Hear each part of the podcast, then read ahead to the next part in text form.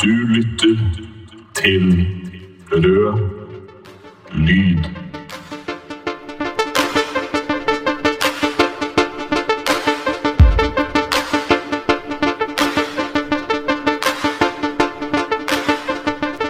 Hei og velkommen til Rød lyd, Norges rødeste podkast. I dag så skal vi snakke om boken 'Sosialismens utvikling fra utopi til vitenskap' av Friedrich Engels. Eh, Og den boken er en sånn slags oppsummering av hva marxismen egentlig er, da. eh, Og hva som skiller marxismen fra de uh, forskjellige typene utopisk sosialisme. Vi har med oss gjest i dag, Alberte Bekkhus, og hun skal få lov til å introdusere seg sjøl etterpå. Jeg vil først bare si litt om hva som har skjedd siden sist. Vi har fått donert tre ganske gode mikrofoner av typen Blue Yeti av en hemmelig beundrer, og det setter vi stor pris på. Han sa vi ikke skulle takke, men jeg tar meg friheten til å gjøre det likevel. Så eh, nå blir kanskje kvaliteten på podkasten litt uh, høyere enn før, da. Uh, ja, vi tar oss en kjapp uh, sånn introduksjonsrunde. Jeg heter Vegard. Jeg er fast med på Rød lyd, og jeg studerer historie og nordisk. Brage, vil du si litt om deg sjøl? Ja, um, jeg heter Brage. Um, det er første gangen jeg er på Rød Lyd, og jeg studerer historie. Ja. Og så eh, bidrar du litt for Rød tid også. Å ja, ja, ja. Og så til gjesten, da, Alberte. Ja, hei. Eh, Jeg heter da Alberte Bekkhus. Jeg er ganske nyvalgt leder av Rød Ungdom, så det er litt stas å være med på, på Rau Lyd. Det passer seg jo godt all den tid jeg også er med i Rau Ungdom. Nei da, ha-ha. Jeg har ganske dårlig humor, det kommer dere sikkert til å merke litt utover i podkasten, men sånn får det bare være. Ellers så er jeg 20 år, kommer fra Moss, har studert litt, droppa ut. Har jobba litt i bemanningsbyrå, slutta med det. Tror ikke det er så mye mer å si, egentlig. Nei, kanskje ikke. Og eh, gratulerer som ny leder i Rød Ungdom, da. Tusen takk. Det er litt stas. Ok, men da eh, Vi begynner med å oppsummere boken, da. Så da tar vi det kapittel for kapittel. Hver av oss har lest uh, ett kapittel av totalt tre. Så begynner vi med Brage, da, som oppsummerer om utopisk sosialisme. Ja, eller skal vi snakke litt også først om hva boken er? Ja, det kan vi gjøre. Vil du bare si litt om boken først, da? Boken er skrevet av eh, Fredrik Engels og skal være en på en måte eh, Det virker som en slags introduksjon da, til tidligere sosialistisk historie før det som Engels kaller vitenskapelig sosialisme, men vi gjerne kaller marxisme i dag. Um, og den oppsummerer da eh, hva som skiller marxismen fra tidligere eh, utopisk sosialisme, som det gjerne kalles. Mm. Ja, og så er boken en debattekst. Um, den boken vi har lest, det er en sånn omarbeidet uh, Det er et omarbeidet utdrag fra boken Anti-During, som er et ganske stort verk på over 1000 sider. Uh, og hele det er en polemikk mot sosialisten Eugen During, som prøvde å ja, lage et helt uh, sosialistisk tankesystem basert på et uh, moralsk, filosofisk uh, fundament. Uh, og Engels han mener at det er feil ende å begynne i. Uh, Istedenfor å begynne med uh, ja, filosofien og prøve å pynske ut et helhetlig tankesystem, så må man begynne med å undersøke samfunnet, da. På en vitenskapelig måte. Ja, ja. Ja, fordi eh, jeg har alltid hørt om denne boka her, men ikke på en måte lest den før jeg sa ja til å sitte være med i podkasten. Eh, det jeg syns var litt fint med nå, det er jo en på en måte historisk innføring i hvordan marxismen har kommet til, og det har dere nevnt litt allerede. Men den eh, hva skal man si, på en måte skisserer landskapet på en veldig bra måte, som i hvert fall for min del har gitt meg enda mer eh, forståelse for hvordan tankesettet har kommet til, og utviklinga og sånn. Så det er veldig kort, ganske lettlest og gir et veldig godt helhetsbilde. Mm. Mm, det er definitivt noe man kan anbefale eh, som en introduserende tekst til eh, sosialismens historie. Mm. Ja, og også en sånn innføringsbok i hva er marxisme. Marxisme 101. Ja. Det her er kanskje det første forsøket på å oppsummere marxismen, da. Etter at Marx eh, døde. Stem... Marxisme for dummies. Ja, ja. Stemmer det at den ble skrevet etter at Marx døde? Når døde Eh, han? Um, 70 1883, tror jeg. Et eller annet. 83.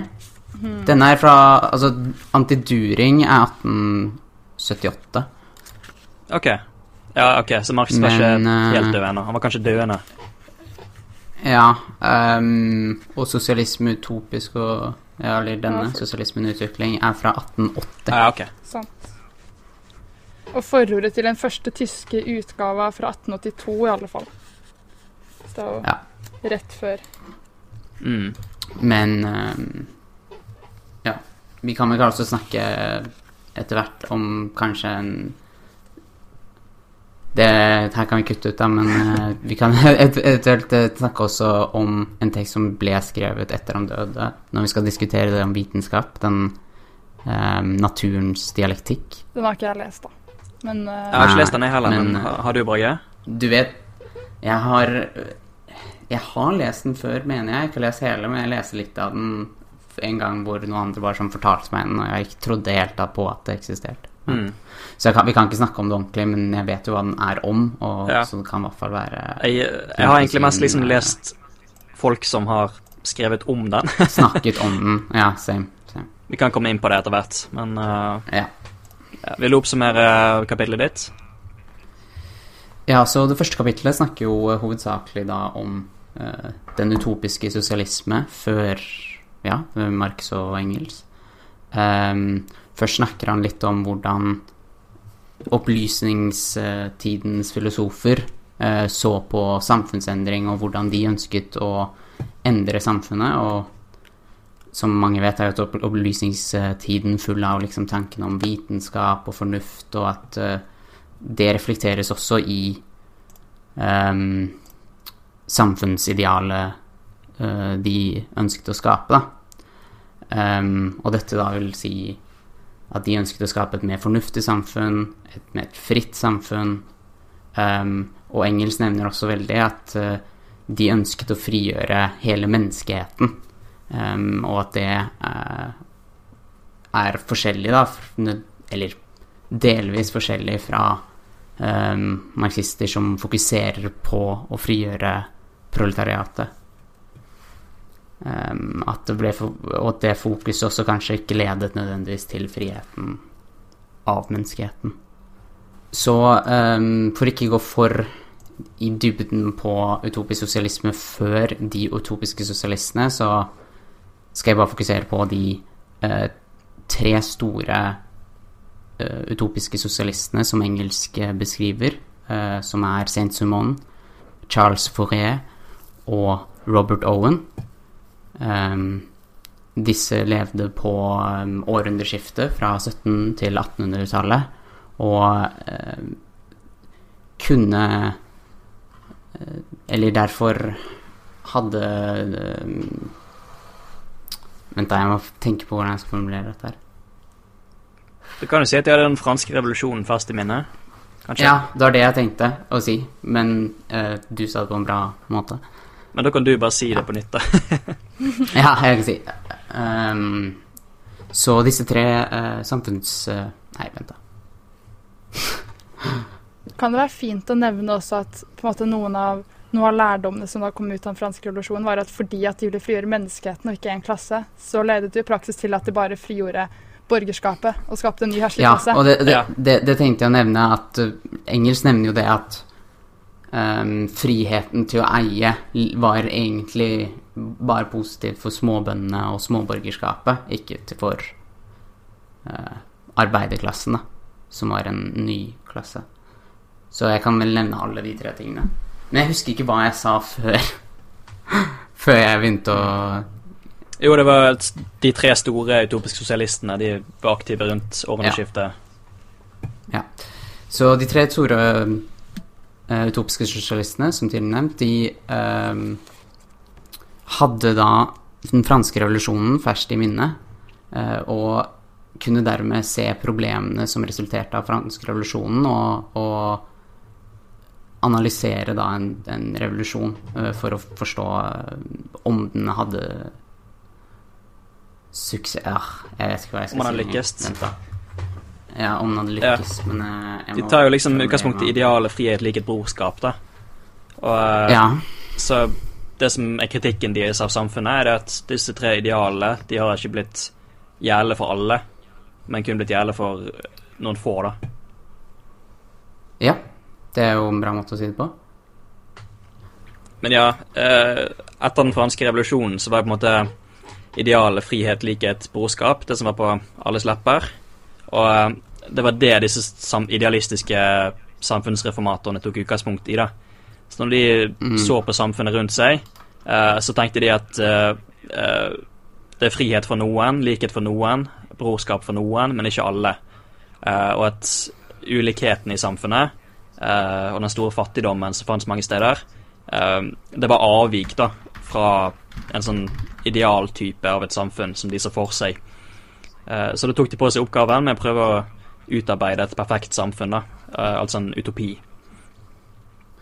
Ja, og, og det er jo det som er fellestrekket for uh, disse tre, at de alle um, fantaserer fram eller skaper et eget, et nytt system i hodet deres, um, som de da tenker å ehm, anvende på samfunnet. Gir det mening? Anvende på samfunnet? Ja. Um, Saint Simon er jo uh, kjent for å, å starte med en, en sharp, um, En slags analyse da, av uh, de forskjellige um, stemmene i samfunnet, og han kom med en forestilling om motsetninger mellom tredjestanden, da, som er uh, et begrep fra den franske revolusjonen som refererer til de som ikke er geistlige eller adelige. Altså tredjestanden er både borgerskapet og arbeiderklasse i denne sensen. Men han sier at eh, tredjestanden og motsetningen mellom tredjestanden og de priv- privilegerte stender kommer til uttrykk som en motsetning mellom arbeiderne og det han kaller dagdriverne. Um, men forståelsen av disse begrepene, arbeidere og dagdrivere, er ikke som vi forstår dem i dag. Um, arbeidere betyr ikke bare lønnsarbeidere, som er kanskje den marxistiske forståelser, men det er også det eh, Eller fabrikanter, handelsmenn og bankierer. Hva er bedre ord for bankierer? Uh, Et mer Bankfolk. moderne ord. Bankfolk. Ok, jeg sier det. Jeg, jeg tar den om igjen. Så arbeidere er ikke bare det vi i dag tenker i marxismen, lønnsarbeidere, men også fabrikanter, handelsmenn og bankfolk. Ehm, og dagdriverne, de er ehm, var ikke er ikke bare adelen. Ehm, altså de gamle eh, De som har gamle privilegier fra eh, kongedømmene og føydalismen, men de som levde av renter, og de som ikke tar i del av eh, produksjon og handel. Eh, altså i motsetning da, til marxismen, hvor handelsmenn og bankfolk gjerne er en del av eh, borgerskapet. Da. Så for ham er det mer enn kanskje et skille mellom de som gjør noe, og de som ikke gjør noe, men lever av uh, ja, eller de som ikke tar del av produksjon, men fortsatt lever av renter, så videre. Um, og, og det som er eh, interessant med Simon, er jo at han um, så skaper Sier at han, man må ha et nytt system hvor vitenskapen og industrien skal herske. herske eh, si det. Det Saint Simon da eh, kommer fram til, er at det kommer komme et nytt samfunn hvor vitenskapen og industrien knyttet sammen av eh, en reformert kristendom, altså en ny kristendom, skal være den nye herskingen, eh, herskerne. Um, og den nye kristendommen skal, må være mystisk og strengt hierarkisk, som Engel sier. mm, Men vitenskapen der vil si um, de som er lært, altså intellektuelle. Og med industrien så betyr det at fa fa fabrikanter, handelsfolk eh, og bankfolk Og disse skal eh, forvandles til offentlige tjenestemenn som skal eh, ha en økonom økonomisk privilegert stilling i forhold til resten av arbeiderne, men de skal administrere og tjene samfunnet. da. Um, og bankfolkene skal um, lede hele produksjonen gjennom kredittreguleringer. Og dette, uh, denne oppfatningen snakker da uh, engelsk om at det er et resultat uh, å gi mening i forhold til oppfatningen Simon hadde av industri og motsetningen han så da mellom i det franske samfunnet. Um, og det skal også sies at det var ikke Altså, arbeiderklassen er ikke, bare, er ikke fullt utviklet på dette punktet. Samme Samme kapitalismen også. Altså, ehm, jeg tror Engels sier eh, at motsetningen mellom borgerskap og proletariat er, først, er fortsatt i sitt, liksom, sine første steg. Ehm, men det som da Saint-Simon gjør som kan bli brukt til videre, er at han eh, legger vekt på at eh, det er den tallrik, mest tallrike og, eh, klassen er den fattigste klassen, som er de eiendomsløse, og at den franske revolusjonen, eh, vil han etter hvert skrive, at det var en slags konflikt da, mellom de eiendomsløsende eh, massene og eh, da borgerskapet og adel. Så han greier å skille mellom alle tre og se at dermed, eh, selv om han kanskje ikke bruker nødvendigvis begrepet, så ser han revolusjonen som en klassekamp. Og det er jo eh, revolusjonerende, i seg selv. Det er jo revolusjonerende i seg selv. Så ehm, det vi ser her, da, er uh, at Simon skaper et samfunn i hodet, nesten litt som uh, Det minner meg litt om um, Hva heter han? Platon, nesten. Mm, ja. At du har liksom herskende klasser som skal være Komme fra visse uh, samfunns... eh, eller de skal komme fra visse bakgrunner, osv. Um, og det er vel kanskje også at Platon er vel kanskje den første utopisten, men eh, det er kanskje ikke noe man skal gå så dypt inn i. Så det er vel kanskje den største kritikken av han òg. Altså sånn, hvis man kan sammenligne han med Platon sin Staten, da Mm. kan det ikke være veldig bra. Nei, sant. Nei da, he-he. Det, det høres jo for meg ut som om det, det samfunnet han skisserer opp, er en slags teokratisk stat.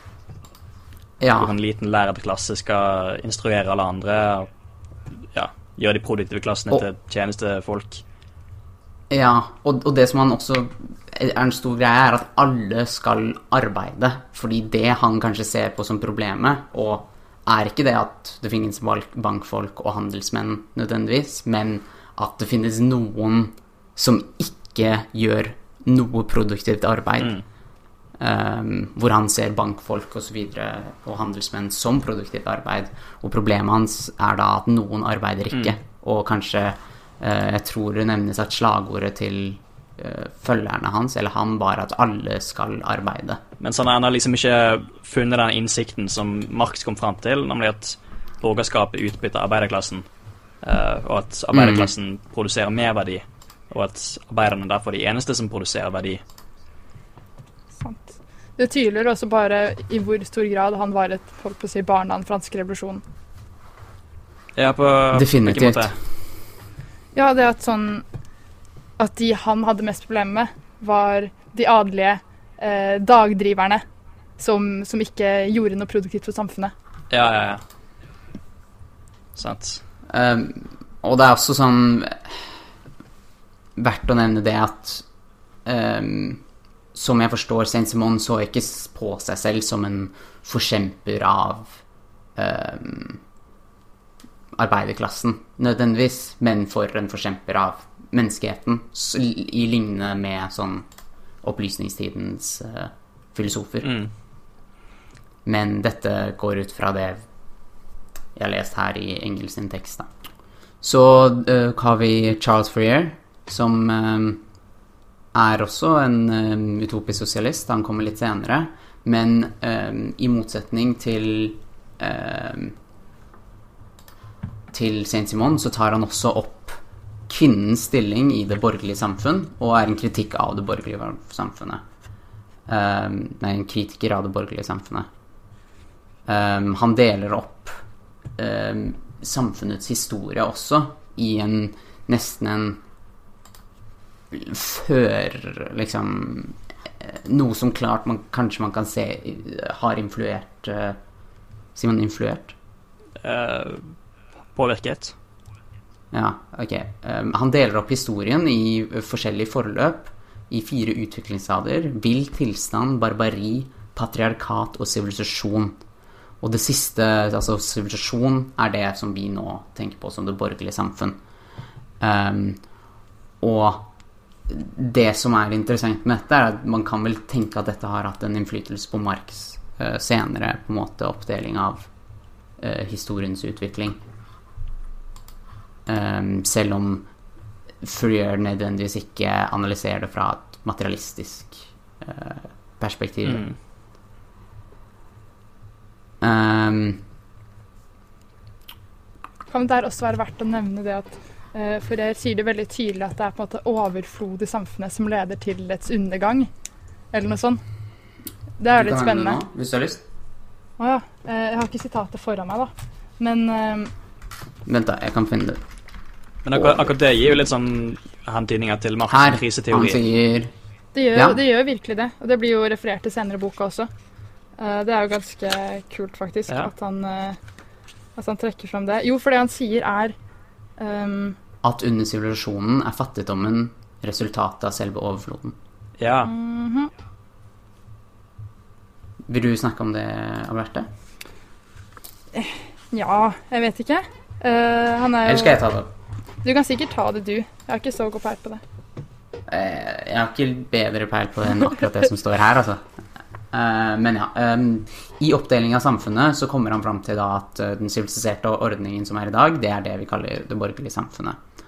Og at den siviliserte ordningen At under sivilisasjonen så sier han at fattigdommen eh, At det er visse At sivilisasjonen beveger seg i en ond sirkel, og at det er motsetninger som kommer fram um, hele tiden, men at uh, hittil har den ikke greid å overvinne disse motsetninger. Ehm, og uh, han har veldig kjent seg som sier at under eh, sivilisasjonen er fattigdommen resultatet av selve overfloden. Så mens, mens noen blir rikere, så blir noen andre fattige. Ja. Uh, hvis jeg husker riktig, så sier jo også Engels at uh, Fourier var tidlig ute med å bruke den dialektiske metoden på å analysere det kapitalistiske samfunnet. Ja, og det er jo det, disse motsetningene kanskje Det er det Engels prøver å vise med å snakke om disse motsetningene, for han sier at Fourier eh, behersker dialektikk like bra som uh, Hegel, som levde på uh, litt, litt senere, tror jeg. Eller han sier den samtidig, Hegel, faktisk. Vent, da, jeg sier det. At uh, Engels nevner jo at, uh, Engel, at Fourier eh, behersker Engels nevner jo at Fourier behersker dialektikken like overlevende som Hegel. Mm. Og at, at eh, Ja. Eh,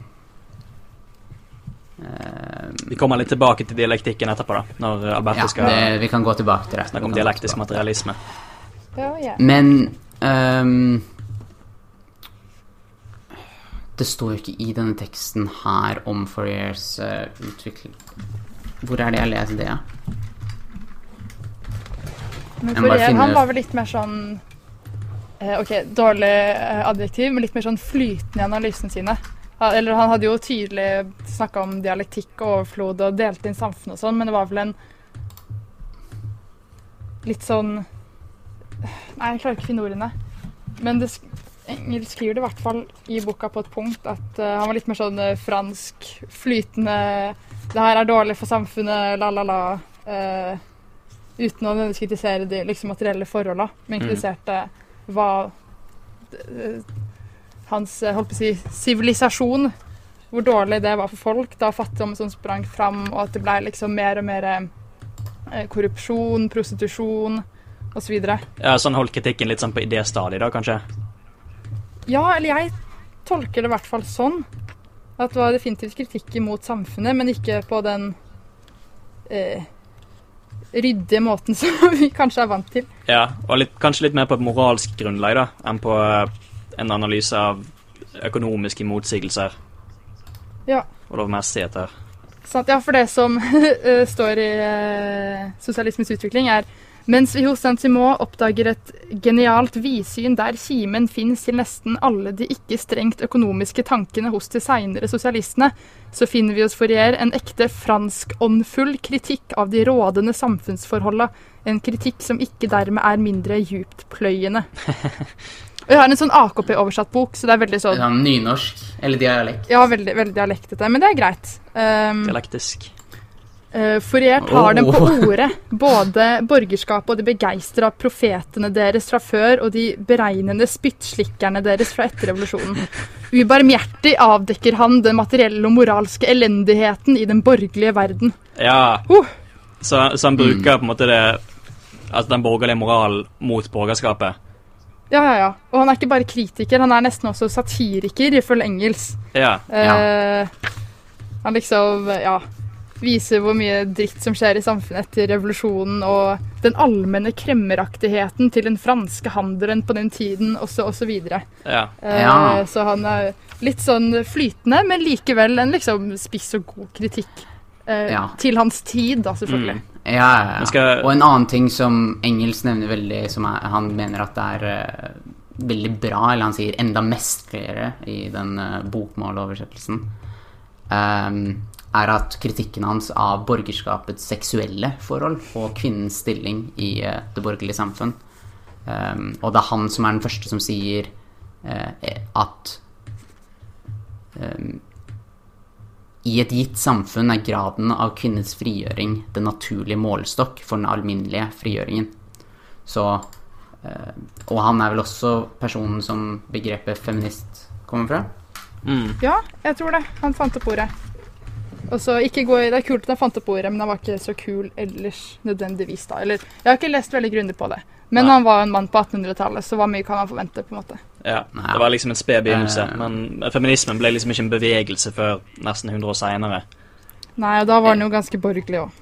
Og, og, og det skal også nevnes at han Hans feminisme er da et kritikk av eh, det patrialske underoldringen av familie og, og på en måte hvordan familieinstitusjonen delvis er satt opp, men, men at den ikke er veldig Kanskje Ja, det er jo en av de første tekstene om dette, kanskje. Ja. Så Det, det er kanskje ikke så rart at den ikke er så utviklet. ja. Så hvis man skal oppsummere Fourier, da, Ja. så blir det en uh, Han snakka litt om kvinner, det er bra. ja. Altså litt Kul om- inndeling av historien, Mm. det er kult. Eller sånn, det er i hvert fall nytt. Og eh, nærmest satire av det borgerlige dekadensen og forfallelsen i samfunnet etter revolusjonen. Mm. Eh, litt sånn franskåndelig kritikk, for å sitere Ellis. ja. Ja. Så bruker han den Eh, dialektiske uh, og- metoden. Og og, i tillegg uh, så snakker han om at samfunnet er delt opp i uh, storkapitalismer og eiendomsløse proletarer. Og at ehm, Han snakker om at ehm, han, håndverkere og småhandlere, småhandlere er alltid, lever alltid i et usikkert tilvære. Eh, og ble den flukturerende delen av befolkning. Og det minner jo litt om det Marx også skriver senere om at eh, man kan liksom ikke Arbeiderklassen er ikke sikker i sitt arbeid nødvendigvis, og at, og at kapitalismen trenger eh, en masse av arbeidsløse mm, reservehæren. ja. arbeidere. Ja, reservehæren av arbeidsløse. U usikker på hva det sier på engelsk. Nei, på norsk, men. Greit, og da går vi for til den siste utopisten, som er også uh, veldig kjent, uh, delvis i, i de, de to forrige var jo også veldig kjente, men Rob Lowen hadde en stor bevegelse som fulgte etter han i stor tid i, i England. Han var da en engelsk fabrikkeier som eh, begynte å teste litt, eksperimentere litt i fabrikken hans, og gi arbeiderne sine kortere arbeidsdager, generelt bedre rettigheter, høyere lønn.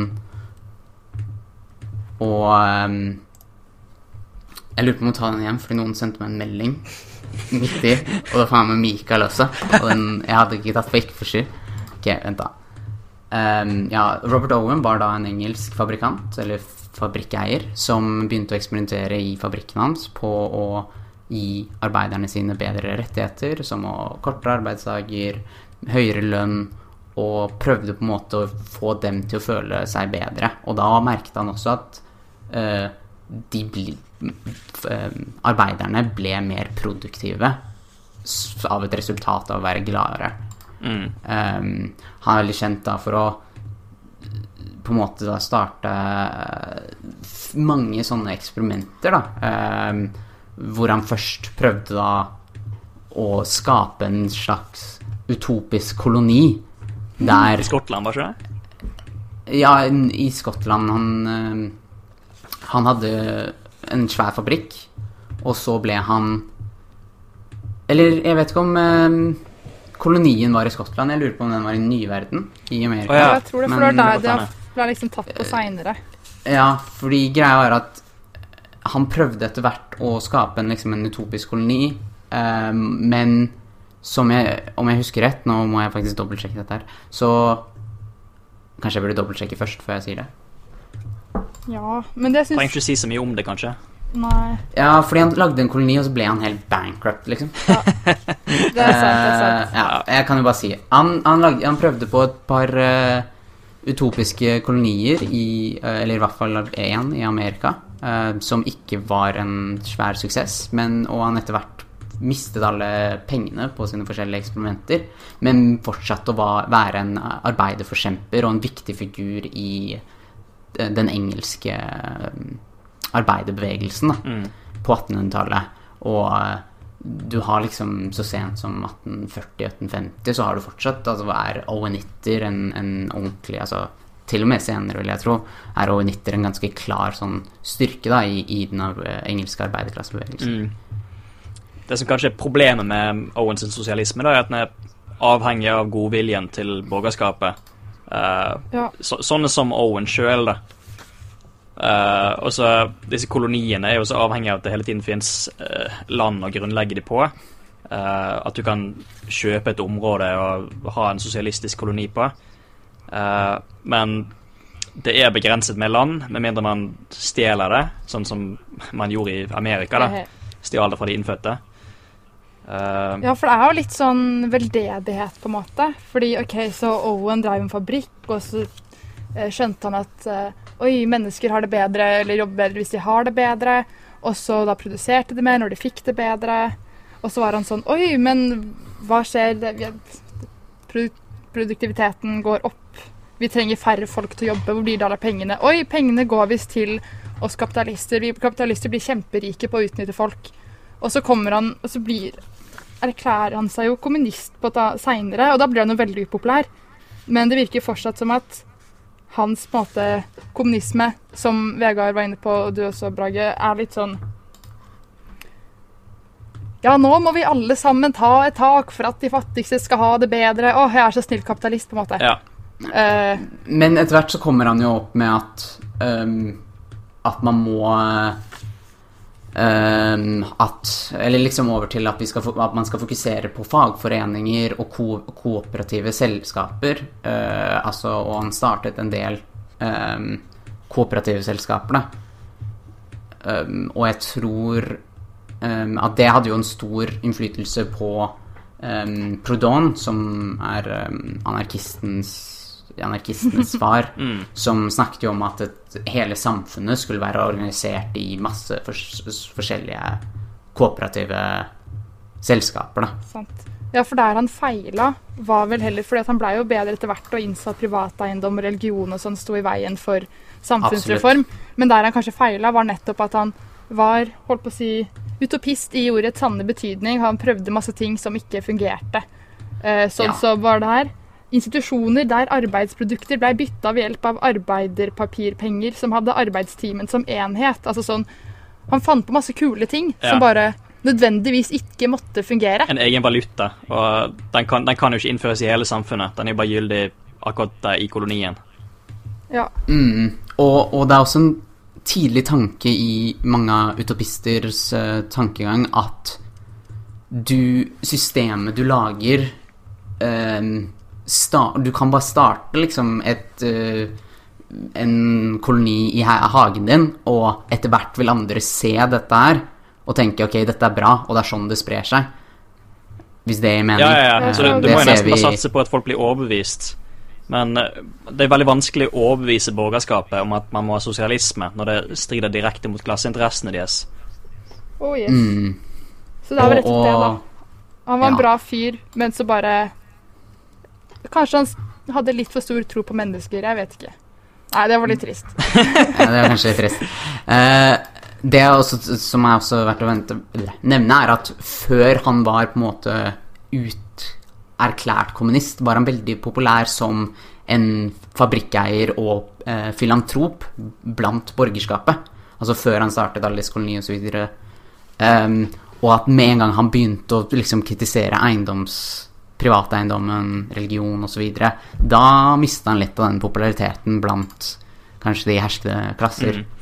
Og eh, borgerskapet er jo altså, har jo en lang tradisjon for eh, ja, veldedighet, filantropi. filantropi. Ja, kan ja, se på Bill Gates i dag, da, som gir masse penger til ulike veldedige formål.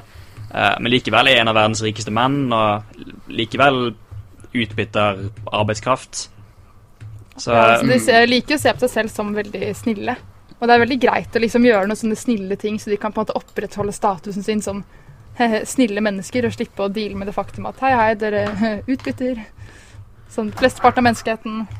mm. Men det, det jeg også tenker der, er at jeg Dette vet jeg ikke nok om, men jeg lurer litt på hvordan var det Engels sjæl eh, organiserte sine fabrikker? Uh, så vidt jeg vet, så var han aldri med i bestyrelsen av fabrikken. Ok, han bare fikk spennende fra Ja, jeg, den, jeg liksom. tror han bare fikk penger av faren sin. Men det er jeg faktisk usikker på. Så han bare gikk på slutten av dagen og collected the checks, liksom? Pappa han gjorde ingenting. Ja. Det er bra. Det er bra. Men jeg, jeg tror Men, forholdet i den eh, fabrikken var bra etter forholdet, da. ja. Men jeg, jeg skal ikke si noe sikkert på det. liksom. Ja, Ja, men det er jo problemet, da.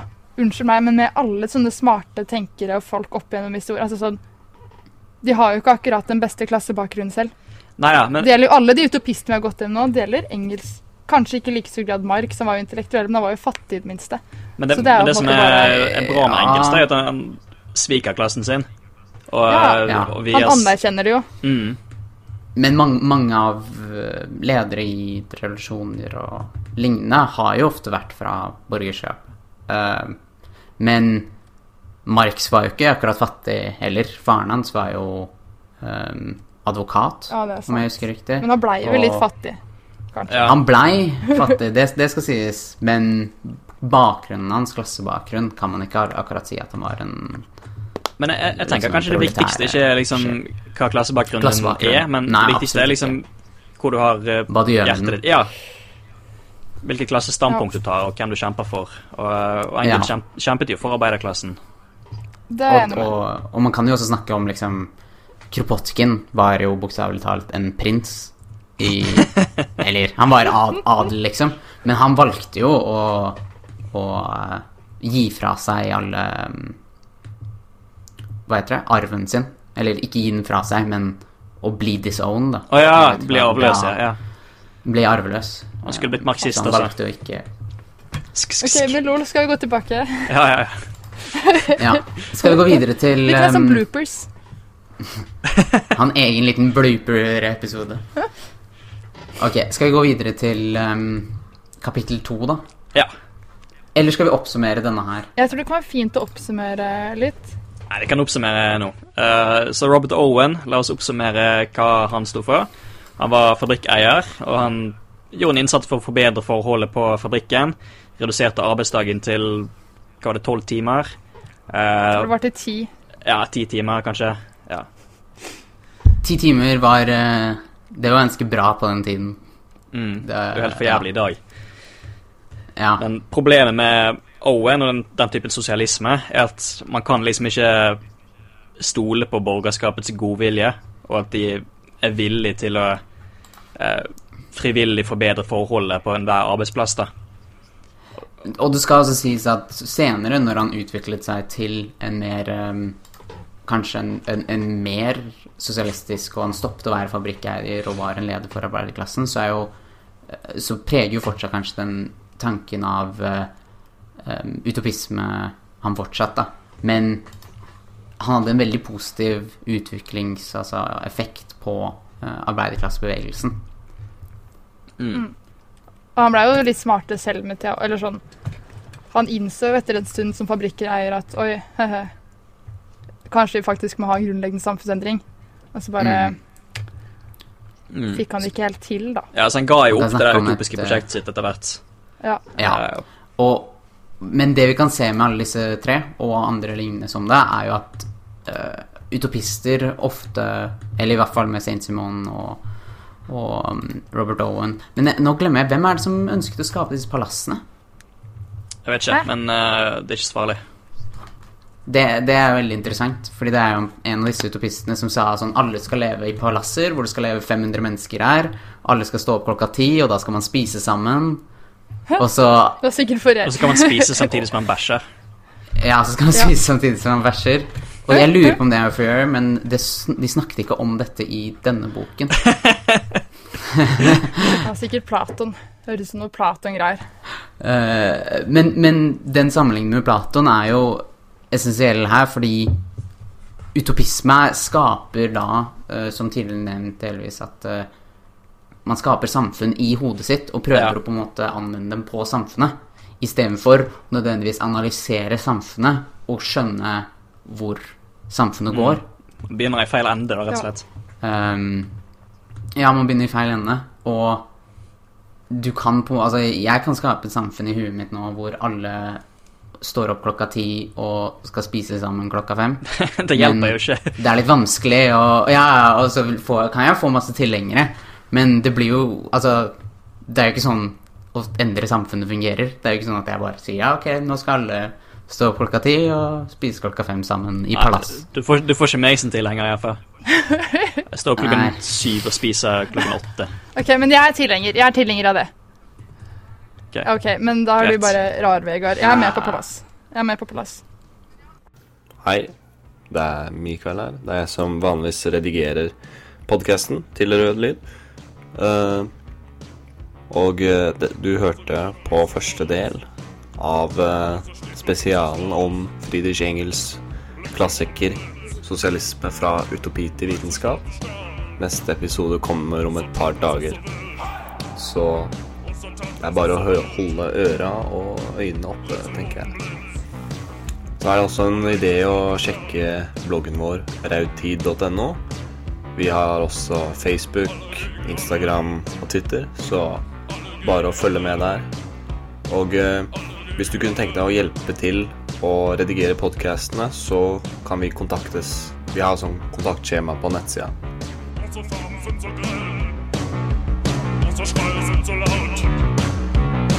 Lesen oben